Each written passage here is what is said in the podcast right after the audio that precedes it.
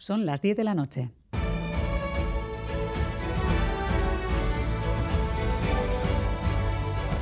Radio Euskadi y Radio Vitoria. Servicios informativos.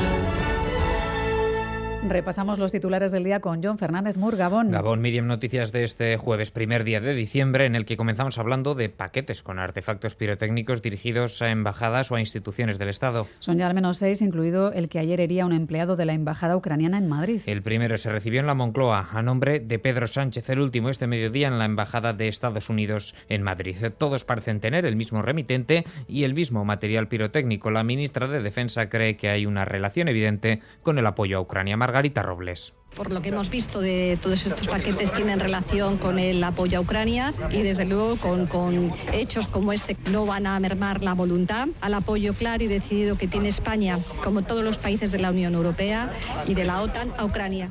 De hecho, entre los objetivos hay una fábrica de armas y el centro desde el que se distribuye el armamento que se envía a Ucrania. Vuelven a ser noticia las revisiones de condenas bajo la ley del solo sí es sí. Esta vez en Guipúzcoa, la audiencia de este territorio ha anunciado que va a revisar de oficio las condenas firmes relacionadas con delitos contra la libertad sexual cuando la pena que fue impuesta sea superior o más grave que la pena máxima establecida por la ley del solo sí es sí. Y en la capital de Guipúzcoa, en Donostia, el PNV ha llevado a cabo el acto de presentación de su candidato a la alcaldía. Que no es otro que el actual alcalde, Eneco Goya, quien buscará un tercer mandato al frente del consistorio donostiarra. Hoy San Sebastián es mejor. Luego, quienes hablan de nostalgia, de la ciudad perdida, hablan de una ciudad que nunca ha existido. Y lo azuzan para alimentar el populismo y para tratar de lanzar men mensajes que lo único que buscan es destruir.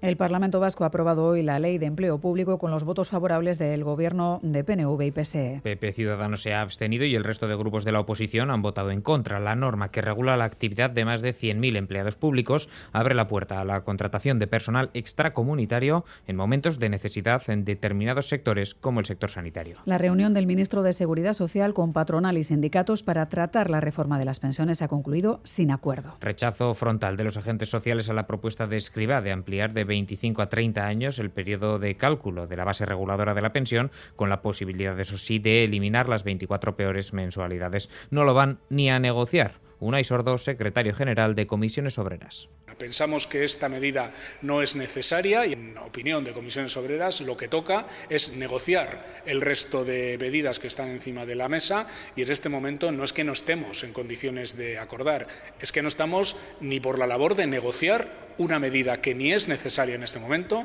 ni cuenta con un aval político suficiente para salir adelante.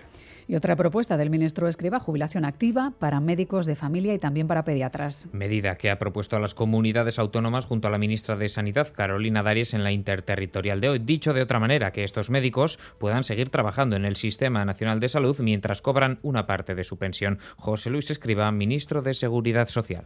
Lo entendemos como una medida temporal y excepcional, proyecto piloto que va a tener una duración de tres años, con un régimen mejorado de compatibilización de la pensión, que podrán llegar hasta el 75% de la pensión. Y se permite además un régimen de jubilación activa parcial con el 50% de la jornada. Y escuchen sonido de Bilbao esta tarde.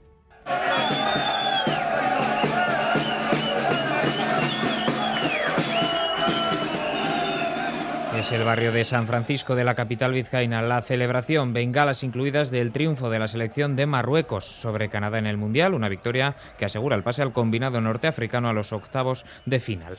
Así terminamos. Más noticias en una hora y en todo momento en itv.eus. Geruarte. EITV, tu grupo de comunicación.